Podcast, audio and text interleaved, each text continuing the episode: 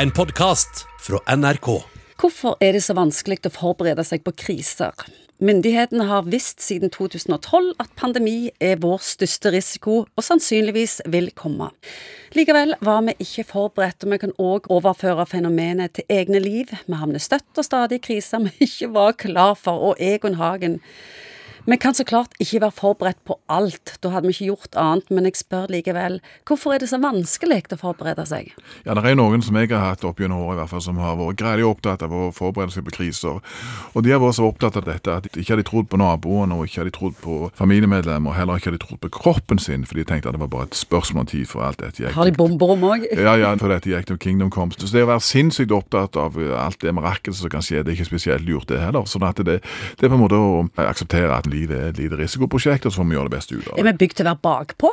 De fleste av oss er nok litt her og nå og tenker at vi er litt sånn happy go lucky. Og så er det vel litt grann også at vi vet ikke helt hva vi skal forberede oss på. Skal vi forberede oss på at russerne kommer, eller skal vi forberede oss på at det kommer nye muterte varianter av et eller annet, eller skal vi forberede oss på at det blir brann, eller Eller at noen nær oss vil jo sannsynligvis dø. Kanskje vi skal forberede oss på det? Jo vi gjør jo ikke det. Nei, men det er noen som gjør det òg. Jeg snakket med ei gammel mor en gang. Hun brukte stort sett hele livet på å snakke om døden og hvor lenge det var til, og hvor dårlig alt sto til, osv. osv. Jeg tror på en måte med altså Det å drive med litt i forhold til mitt fag, så dette med forebyggende arbeid. Vi vet at vi får så mye igjen av å gjøre kloke ting nå, da får vi mindre av alle disse reparasjonssykdommene senere i livet. Men til tross for at vi vet denne sammenhengen, så er det liksom det akutte, det er her og nå, liksom. Samtidig som vi vet at det kunne vært gjort en kjempeinnsats i forhold til forebygging, langsiktige ting, som gjør at man ikke kom til disse situasjonene. I 2019 omkom 41 personer i brann. Likevel så snur vi ikke brannapparatet hvert halvår som vi skal. Og det er ikke sikkert du har bytta batterier i brannalarmen på mange år. Vi forbereder oss ikke. Så det er utallige eksempler på små ting som kunne hatt så stor betydning. Ja, hvis vi er rett av posen, så er vi jo sånn. Men nå er jo sånn at i forhold til arbeidssituasjoner Vi er jo midt i et veldig sterkt sikkerhetsfaglig miljø her i HMS-fylket. HMS-fylket Stavanger. Sånn at i en jobbsammenheng så vil de fleste oppleve at her har skjedd ganske mye. Og det er ikke sikkert at det ville vært naturlig for deg å rygge inn på parkeringsplassen hvis du bare gjorde sånn som du ville sjøl, eller å holde i gelenderet.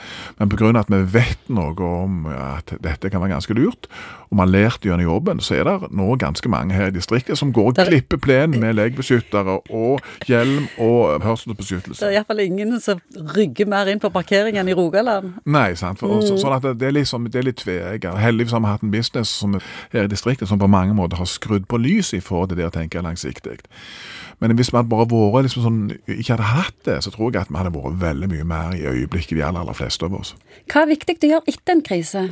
Eller når en krise oppstår. Lek pandemien nå, f.eks., som vi burde vært forberedt på, som vi ikke var forberedt på. og Nå står vi midt i den. Hva skal vi gjøre nå og etterpå? Jeg tror at dette er tusen millioner-spørsmålet. Dette kommer sikkert til å forandre veldig mange ting rundt oss. Veldig mange har jo fått et, et sjokk å se på disse enorme ringvirkningene. Og selvfølgelig så har du alle de problemstillingene knytta til utsatte grupper, ungdom, barn, som er, har vært låst i en hjemmesituasjon som ikke for alle har vært like god. Og akkurat en kollega på sykehuset ute og sa at viste hvor mange som da får ganske alvorlige problemer knytta til dette. Så det har nok vært en aha-opplevelse for, for veldig mange av oss.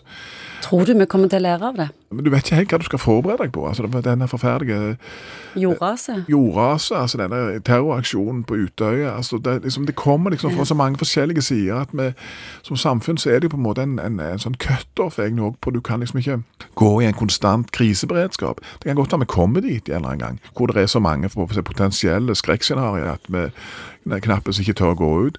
Og da er jeg i hvert fall himla glad for at, med uh, at vi er vekk, Ingvild. Nå ligger vi stilt rolig, bare nyter det.